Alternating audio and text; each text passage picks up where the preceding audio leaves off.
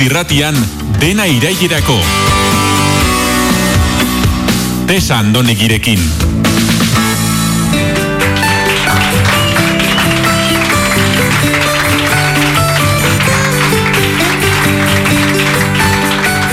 Azken aldian, hainbat mediotan ikusi izan dugu urrengo gonbidatua, baina ez zuzenean bere lanagatik. Hemen elkarteko lendakarietako bat izanagatik, zinemaldiak hartu dituen hainbat erabaki direla eta, baina gaur, bere liburua ez. Bere filme eta proiektu eta zitza egiteko daukagu gurekin, Lara Izagirre zuzendari eta ekoizlea eta gidoilaria.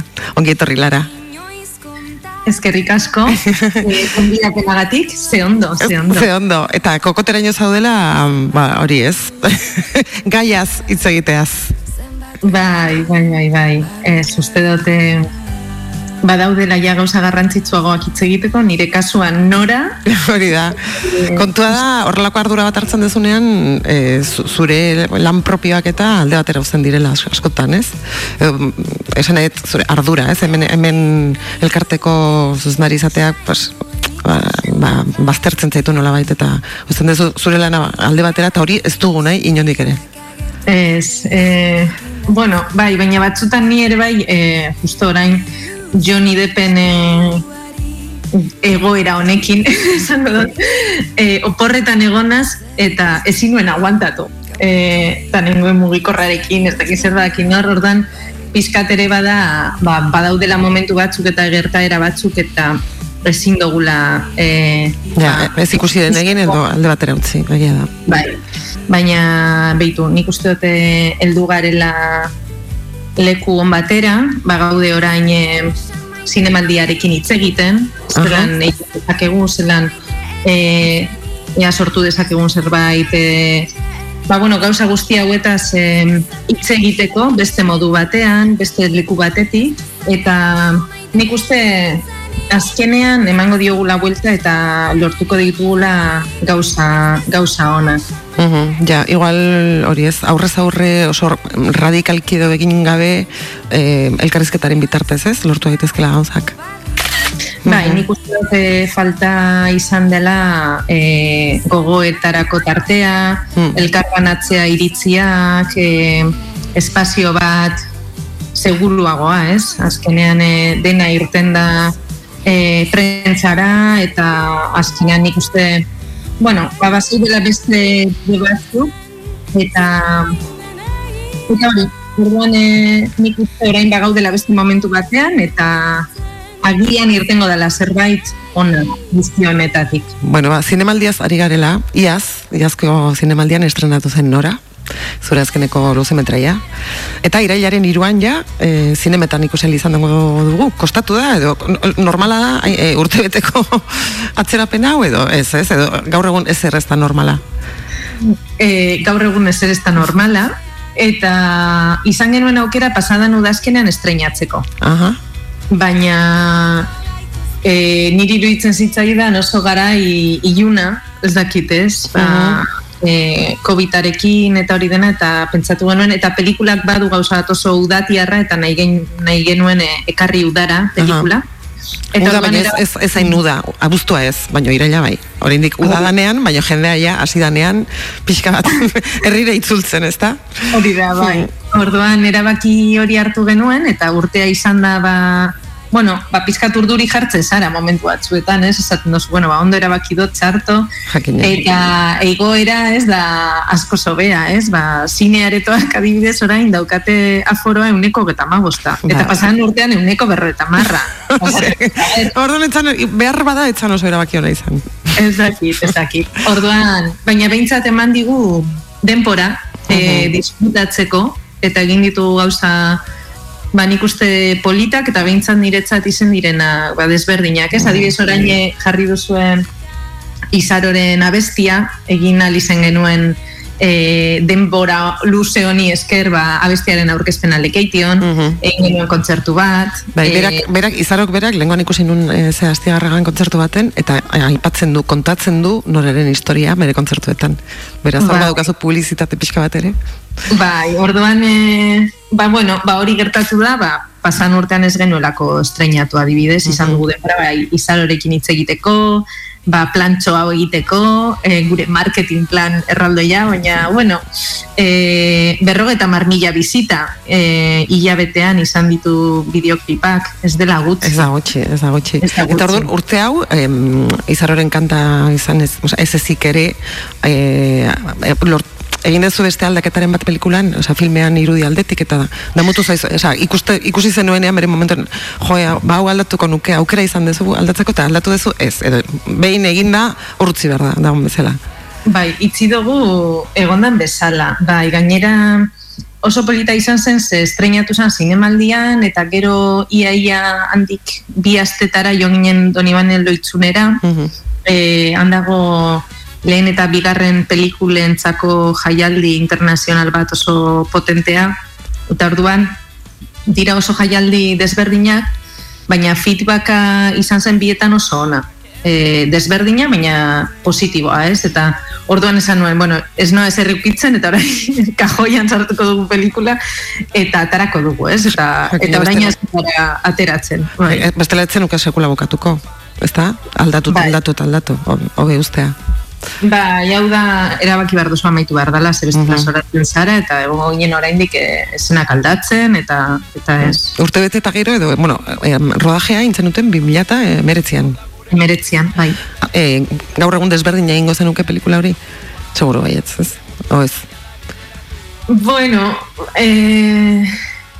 Bai, bai, ziur bai, ez. Azkenean eske begira zer gertatu den, 2000 eta meretzi pikona. Bai. No, nork esan nos digo, no? Ban, grabatzen geundenean super lasai. Bai. Eh, ez, orain daukagu bideo bat, grabatu genuena grabaketaren azkenen gunean, eta da, da grabaketa mailerako emozio hori, eta denak besarkatzen, ez dakiz zer, eta ikusten duzu bideo, eta ematen du, pasatu direla, amasei urte. Bai, bai. E, baina nik uste dut e, pelikula bakoitzak daukala bere garaia, eta ni saiatzen hasena da momentu egiten dudan momentu horretan izeten oso zintzoan nire buruegaz eta saiatzen aldudan guztia egiten. Mhm. Eta hori da gertatu sana norarekin.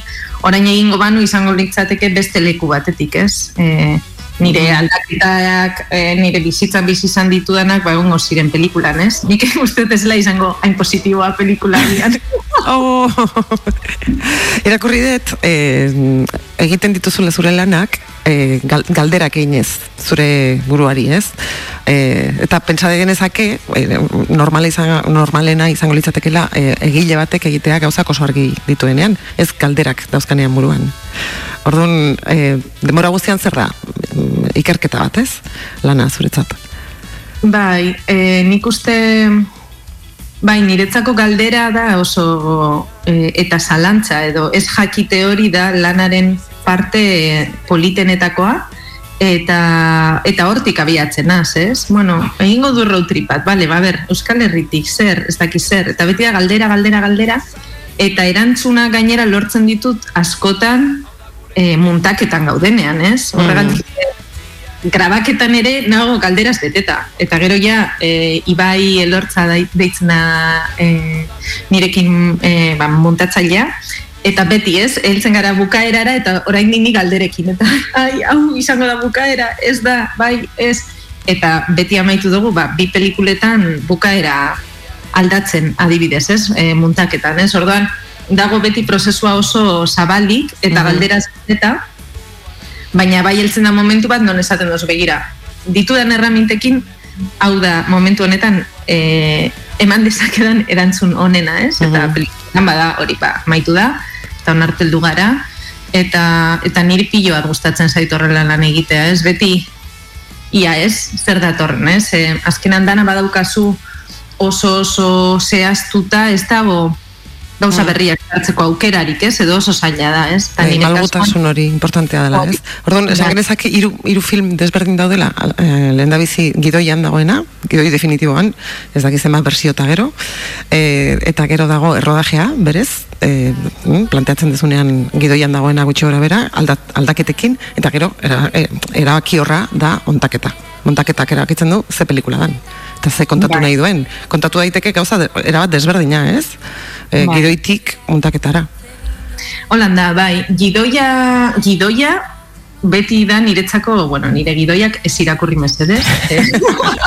Bilatuko ditu interneten. Bai, ba, ez duzu ezer ikasiko. E, niretzako dira erraminta bat, eta askotan pertsonaiak dira estereotipoak, ez? Ba, behar ditudanak, mm. holan, estruktura basiko bat egiteko eta eta sortzeko e, ba, nahi dudana, ez? Gero bai egoten da nigaz, hasieratik bukaera arte, aldatzen ez dan sentipen bat, edo tonua, edo zer kontatu nahi dudan pelikularekin, hmm. baina niri oso zaila egiten zait, e, agian komentatu dugun prozesu ireki eta malgu horrengatik, e, oso argi egoteak gidoian, ez? Hmm. Orduan, lehenko gidoi hori, bueno, bada e, egin behar dut, ba, jendeak ulertzeko pelikula bat egin nahi bai. dudala, eta txigora bera zer da. Eta escena hau grabatuko dala, ez dakit non, eta departamentu guztiek, guztiei komen izai jakitea. Hori da, bai, egin behar delako tresna bat e, egiten dut. Hmm. Eta gero, baina politena niretza da tresna horretatik zelan bihurtzen, ba, adibidez, ba, pertsonaiak pertsona, ez? Eta horia, egiten ditut beti kastinak filma grabatu baino denbora asko zere, bueno, ba, aneren kasuan ane pikasa dela norako protagonista, ba, uh -huh. erabaki nuen bere izango zela protagonista urte bete lehenago. Pentsa. Orduan, urte horretan, nago gidoia hobetzen, baina nago anerekin. Claro. Eta orduan... Asiera baten pentsatzen dezun persona hori, hori gorpuztea, zaila izango da, ez? Inork ez du irudikatuko berez eda gorpuztuko zuk nahi dezun hori guztiz. Inor, inor, ez da existitzen, ez? Nola baita igual. Hori da, ez da, ez da existitzen, baina sentipen hori, edo ez, tonu hori... Energia, bai, ez? Hori badago, energia hori bai ikusi nuen, adibidez, anerengan, uh eh, aktore desberdinek egin zuten kastina papererako, baina energia aldetik nik imaginatu nuena, antzeko, energia antzekoena zeukananek, uh -huh. ez? Eta gero gainera, ba, banekien zein zen bere ibilbidea, eta, eta gainera, bueno, beretza zan kristolako aukera, berak ere izan zuen horrelako sentipen oso positiboa bat irakurri zituenean e, esenak, eta esan zigun, orduan, egon zan horrelako, ba, ez dakit, fletxazo, txiki bat, ez? Aldaketak edo, egin zituen berak, e, proposamenak eta... Buf, pilo bat. ja. Nik uste da, ez, bai, norak ez lukela esango hau. bai, ez horrela, baina Ba, baina jaten ginen egiten eta orduan beti amaitzen nuen dan aldatzen. Orduan, e, bai, azkenean e, izan da prozesu kolektibo bat, segero be bai e, beti geratzen az, ba, e, aktorea, ba, Ramon Barea eta Kara Badiola, kadibidez ez daukate oso sati handia, baina entzega, entzegua izan duen beraiekin, uh -huh. eta orduan bakoitzak egiten ditu bere karpenak, eta nik uste dut horrek bai egiten dituela, e, bueno, ba, pertsonaiak bestakit lurrera ekarri, ez? Apur bat nire estereotipo maila horretatik, ez? Uh Bai, esan dezu, aneren eh, energia eta norarena berdina zirela, eta nora da pelikula oso argitsua, eta energia oso positiboa daukana, mm. zo, ere esan dezu, igual, gaur egon etzen ukela horrela egingo. e, eta, eta hori islatzen da, kolorean, asko, pelikularen kolorean, islatzen argian, ez da?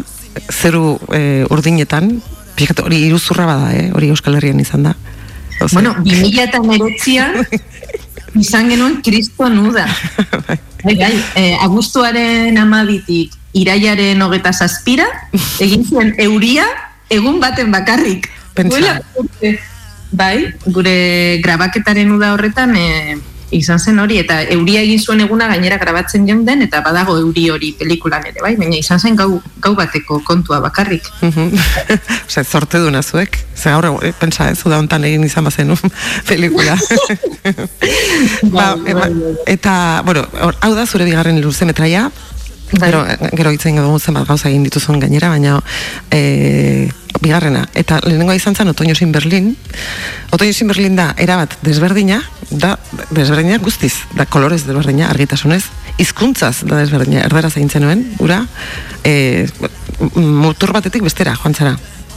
Bai, nik uste dut, eh, pizkatzera erantzun bat, ez? Nora da un otoño sin Berlin filmaren erantzun bat, ez? -hmm. azkenean sartu nintzen udazkenean, udazkeneko koloreak ere bai, e, ia sekuentzia guztia zien barru, barne, barruan grabatutakoak, ez? Eta bai. geratzen zitzaidan, e, pizkat, e, ba hori, ba nuen, kalean egon, erakutsi zelakoa den e, Euskal Herria e, lau hormatatik kanpo, e, komedia egiten saiatu nahi nuen, mm eta, eta bai izan erantzun bat, udazken horri e, erantzun nahi nion uda batekin, ez? Esateko, bueno, udazkena kontatu dut, orain kontatuko dutu da.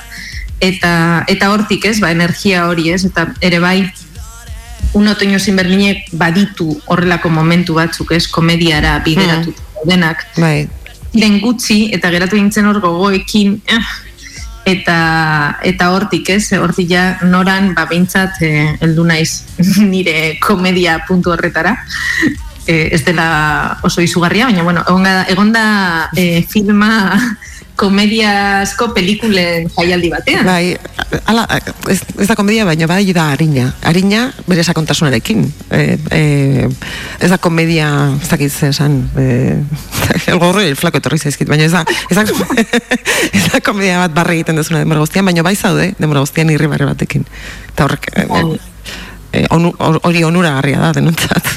Bai, ez nik e, gidoia idazten, bueno, gonintzen denpora luzen gidoi traket hauek idazten, baina orduan zinemara joaten nintzenen beti ikusten dituen pelikula, bueno, bueno, ilunak, ilunak, trascendentalak, ez dakiz zer, eta, eta ez noen ikusten pelikula harinik, ez? Eta uh -huh. noen ni zerbait polita, ez? Uh -huh.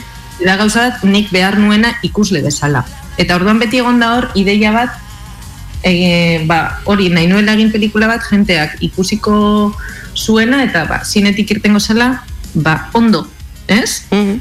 Niretzatu bai. izan oso garrantzitsua eta desberdina, ez? Gero izan da oso zaila hori saltzea, ez? E, finantziazioa lortzeko eta e, pelikula ere bai basateko ba, da, gizarteak behar duena, ez? Ba, nola?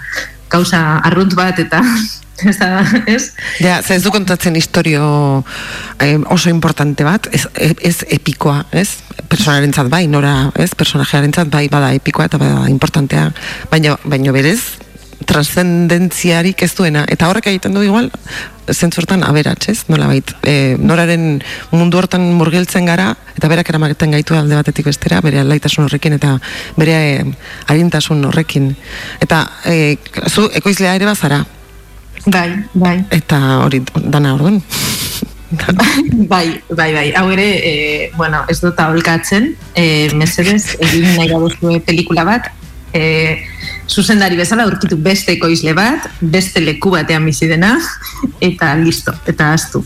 Bai, hau izan da, ekoizpenarena da, bueno, nik orain miresten ditut ekoizle guztiak asko, eta orduan bai. ekoizle bat badator, ni etzunten naz lurrean eta izten, egiten dut alfombraren aberaientzat, ze ez dut ulertzen e, zelan bizi daitezken horrelako presioarekin edo ez dakit nahi zen nie, eh? ez dara mana ondo hau ez. Baina, baina... oso, oso, oso zaila aztea zure zuzendari parte hori ekoizle lan egiteko e, azkenean, e, lehen, lenguan izaskun arandi etorri izan, eta e, hori komentatzen genuen ez, ez direla batera garriak.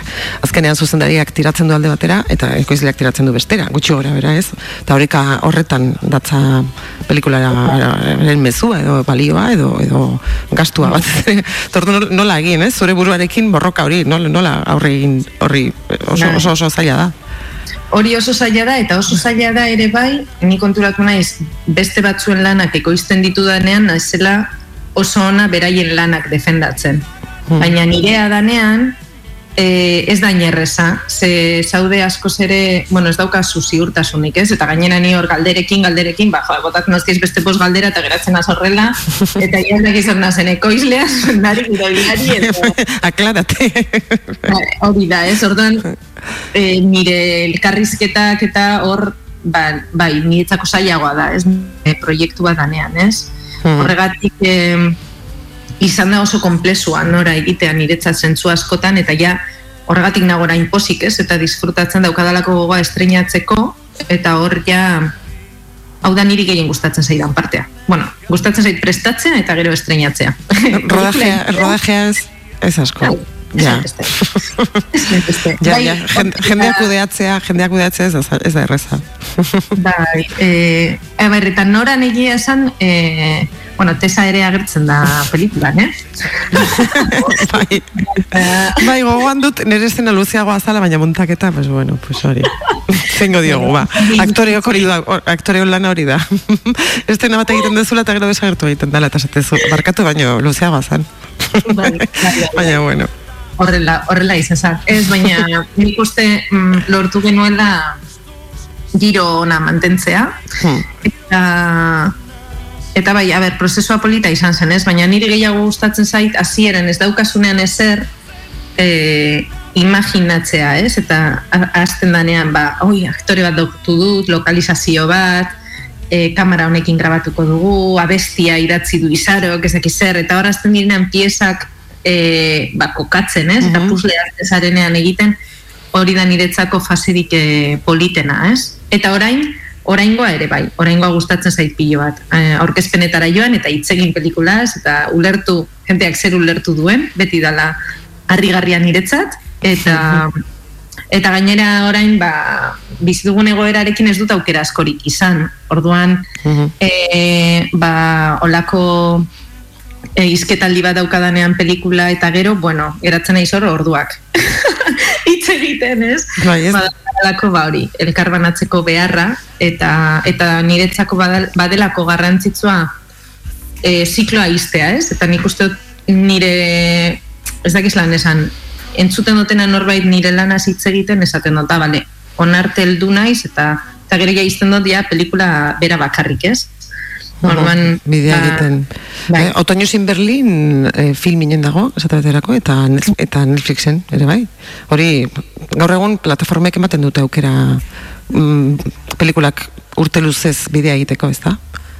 Bai, ba, filminen egonda nik uste ba, asieratik, ez dakit, ba, hmm. egon eta gero egonda bost urtetan filminen, eta Netflixekoa izan da orain, e, ba, ez dakit, konfinamenduko sorpresa bat. Ondo. Ez da oso oikoa un otoño sin Berlin desalako pelikulak egotea Netflixen, eta lagun batek esan zidan, ah, Netflixen ikusi dut, eta mm. nik, Benik ere bai? Dela, eta ez dela filminen, eta bai bai lara Netflixen dago. Ah, bueno, bai. gainera, ah. filminen ikusi alizateko ordaindu egin behar da, eta Netflixen ikusteko ez. Claro. Jakin dezazuen. Hor, baina, banatzaileak sartzen dira, bakoitzak egiten du bere estrategia, orduan, hmm. ba, bai, ez nekien, bai, ez daukate, bueno, ba, bardin da, ez daukat Netflix, orduan. nik, nik laportuta, lagun bati laportuta, lagun batek utzita. Baina, eh, bueno, Gariza Films sortu zenuen eh, ausardia handiz, 2000 marrean, oso gaztea zinenean, hogeita zei urte zen hori oso gazte izatea da. Bai, bai, bai, horregatik sortu nuen. ja, ja, bai, bai. Inkontzientzia eh, horretatik ez da. Zertzan beharra, ala desioa, beharra, eh, zuk nahi zenuelako kontrolatu zure produktua, edo... Ba, ez, eh, asko zere, bueno, bueno, behinetan badak zergatik egin nuen ekoiztetzea, behar nituelako eh, fakturak egin. Eta orduan, okurriko zitzaidan modu honena zan, ba, egin ikusteetxe bat, espada, baina nik eh, ba, hasi nintzenean egiten ematen dituen zine ikastaroak. Mm. Eta orduan hasi ziren esaten, bueno, egin behar duzu faktura bat, eta ez nekien zer zau faktura bat. Zan, zer egin behar duz faktura bat egiteko. No, ez dakiz zer, autonomo izan behar zara, ah, bai, ez dakiz zer. Orduan sortu nuen gariza, baina ziera baten ez genuen ez ere koizten. Mhm. Baina, eta gero garrantzitsua izan da, ba, 2008an sortu izana, ba, ba, gaur egun ibilbide hori egiteko, ez? Eta orduan e, 2000 eta amalauean erabaki genuenean film luze bat egin nahi genuela, ba, bueno, ba, ba, urte batzutako lana, struktura bat, ba, zegoen ibilbide hori, baina e, koiztetzearen sorrera benetan esan izen oso konsientea, izen zan, bueno, igual, intuizio bat, ez? Egingo dugu hau, eta ber, zer gertatzen da. Mm Gainera, em, e, ekoizte etxe horretan emakume asko dago, lanean. Emakume zinguratzen zara asko, lan egiteko. Bai, bai e, denak gara emakumeak, gero daukagu proiektu bat, dala serie dokumental bat, eta dira bi zuzendari mutilak, eta deitzen ditugu Garisa Boys. ia, ia, koiztetean zartzen diren mutil bakarrak, ez? Baina, bueno, izan da prozesu bat, ez dakit niri bizi izan du zer dan emakumea izatea industria honetan, eta eta bueno, ez da erresa, e, eta orduan, e, ba, baina naturala izan da, eh? Osa, bidean zehar egon dira e, mutil gehiago orain daudenak baino, baina geratu direnak, ba izan dira emakumeak, eta ba izan da igual, ez dakit, mm -hmm. ez dakit, ez benetan, baina hori, baina badaude bi, Garisa Boys, hor... E, Ez, egia da, nik aktore bezala ikusten dudana da, e, ekoizpen lanetan emakumeak moldatzen garela oso oso oso ondo. E, bueno, badaukagu gure buruan, ez, ez dakit, ez, gauzak estrukturatzeko da antolatzeko gaitasun handia eta orduan ez da harritzen zure ekoizleak emakumeak izatea gehienak, edo anak.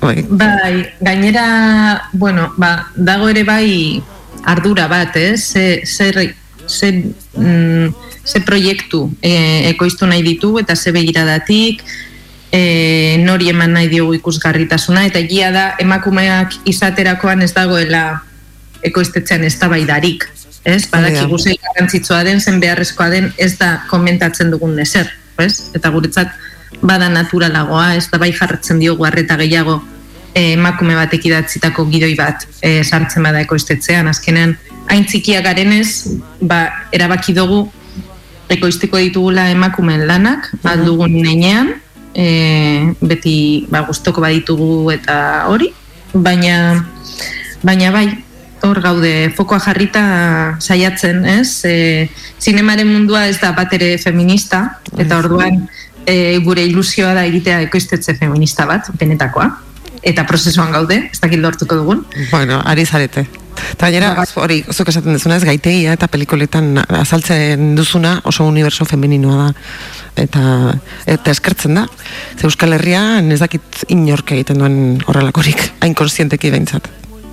Bai, eta askotan galdetzen dozti ez, joelara, zergatik ez duzu aldatzen ez, ba, zergatik ez duzu aukeratzen beste e, gizon protagonista bat adibidez, eta esaten du, joe, hainbeste gauza ditut kontatzeko emakumeen inguruan, eta e, emakumean aizolako sentitzen dituta ingertu, uste dut ez dela nire lekua, ez? Oraingoz, agian egingo banitu berreun pelikula, ba igual hor bai esango nuke, ei, listo. Baina momentu honetan bai iruditzen zait nik e, urbilen ditudanak edo gogoi gehien kontatzeko dituan pelikula horietan beti dira emakumeak protagonista.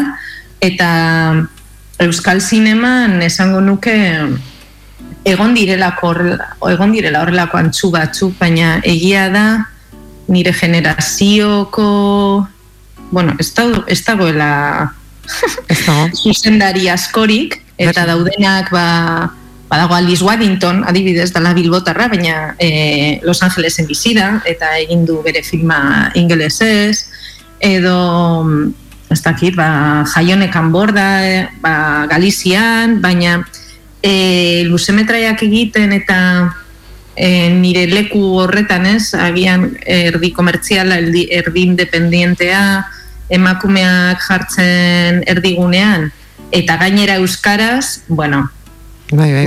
Nazela... Ba, sentitzen dugu, baina tokatu zaizu, tokatu zaizu momentu zuzuk egin beharko dezu. bai, tokatu zaizu, baina... Pozik, ere. Espero dut, eh, emakume gehiago etortzea atzetik. Zenik espero nuen lehenengo pelikula eta gero bigarrena izango zela errezagoa ekoizteko mm. eta euskera egitea izango zela e, abantaia bat, behintzat hemen Euskal Herrian eta eta ez da izan, izan da zailtasun bat eta eta hori da pentsatzeko daukagun zerbait, ez? E, Ez dakit e, zenbat urte pasatu diren, baina euskera emakume batek zuzendutako aurreko pelikula izan zen amaren eskuak. Ez dakit pasatu diren sortzi urte.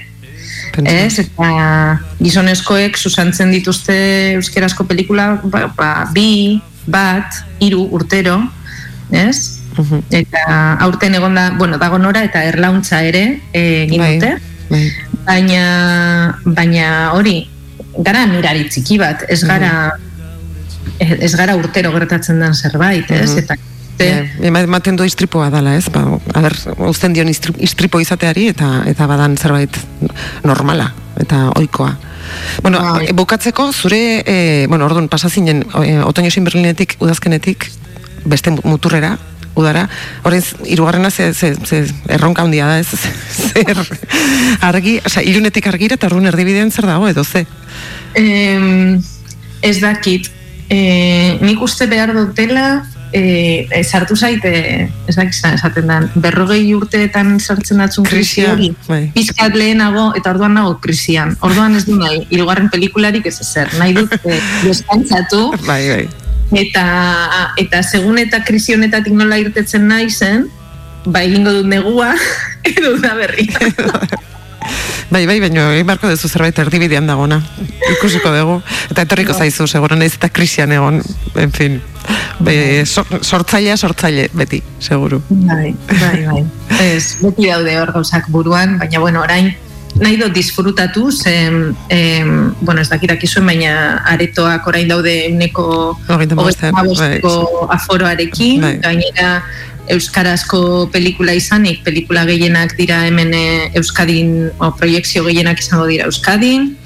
Orduan nago, bueno, e, dakit pasatuko dela dena, iraiaren irutik aurrera izango dela e, bi segundotan, egon da estrenatuta, eta ja, e, amaituta, ez? E, ez dago goñon, ez? Eta orduan nago, ba... Bueno, behar bada ez, behar bada udazkeneko fenomeno bilakatzen da nora. Nik ala desio diot pelikulari ze egia da, e, nik, bueno, erabat komendatzen dudala ikustea zoragarria dalako, oso e, momentu ona pasatzen dezulako, ateratzen zarilako bertatik e, sartu zaren baino hobeto, eta hori oso importantea da gaur egun. bai, bai, ez, e, nik ere bai, eh? aprobetsatuko dut orain gomendatzeko. Jaina. E, arrazoi askoren gatik, e, euskararen gatik. Uh -huh. e, jo margara zinemara euskarazko pelikulak ikusten, ze nora ikusten ez bagoaz, urrengo euskarazko pelikulak aukingo dituen datuak izango dira norarenak. Orduan, e, euskara egon behar da pantalla handian, eta ez bakarri nire pelikulan, baizik eta e, alko bagenu hilabetero edo bi hilabetero ikusi beharko genuke pelikula bat euskaraz pantalla bai. handian, eh? euskara sortutakoa. Bai, bai. Hori arrazi bat, gero beste bat, e, zuk esan dozuna. Nik uste dut balio duela ba, pizkat, e, itxaropen pizkat ematen du. Bai, ematen, ematen du. Bai. Eta gozoa da ere bai. bai. E, aktoreak super super ondo zaudete guztiak. E, Naiz eta esaldi bat izan edo edo e, musika superpolita da bai, irudia ere bai mm. e, eta eta hori, bueno, eta lan asko egin dugu e, orain egonaz pentsatzen eta duela sei urtea zigintzen gidoia idazten eta eta hori eta pilo bat jente gondela lanean pelikulan eta danok ipini dugula alizen dugun onena mm. e, eta hori, ba animatzen badira bihotzez eskertuko eta egongo naiz, eta uste dute badela sinema leku ona gainera. Ez dagoen ez udarik, lehen beldurra zen, ai, uda izango da, ez dakiz mundu guztia ondartzen, ba, ia, e, iraia munduan ez daki seguraldi eskatuko dotzeten, eh? baina bueno, ez eh, lehengo udako eguna izatean mesedez. ez berorik ez eguzkirik, baina eh, horregatik bakarrik ez, ez jende pilo batek egin duela kolan eta eta altzen duten oberen egin duzuelako eh, produktua merezi duelako eh, joan behar da nora ikustera. Así que bai. sorte onona opa dizut eta bueno, datorren datozen proiektuetan ere proiektuetarako hitze eingo dugu. Eta, eta, eta, bueno, krisia ondo pasa dezazula. Bai, dira, lagun batik komentatzen nuen, eta hori nago desertuan, orduan, bueno, pa pasatu behar da. Pasako da, bai, bai, hori ere beharrezko da. Bai, bai, bai. Ba, esker. Eskerrik asko. Bai, lara. Eskerrik asko benetan. Bai, muixo bat, itzengo dugu. Bai, aio, agur. Me susurra muy lento al oído, me vuelve loquito tú ya déjalo estar, my girl. Estamos en el game, haciendo música for my pain. Fresco y activo ya siempre fiel, todos los míos buscando channel. For my veins, for my veins, haciéndolo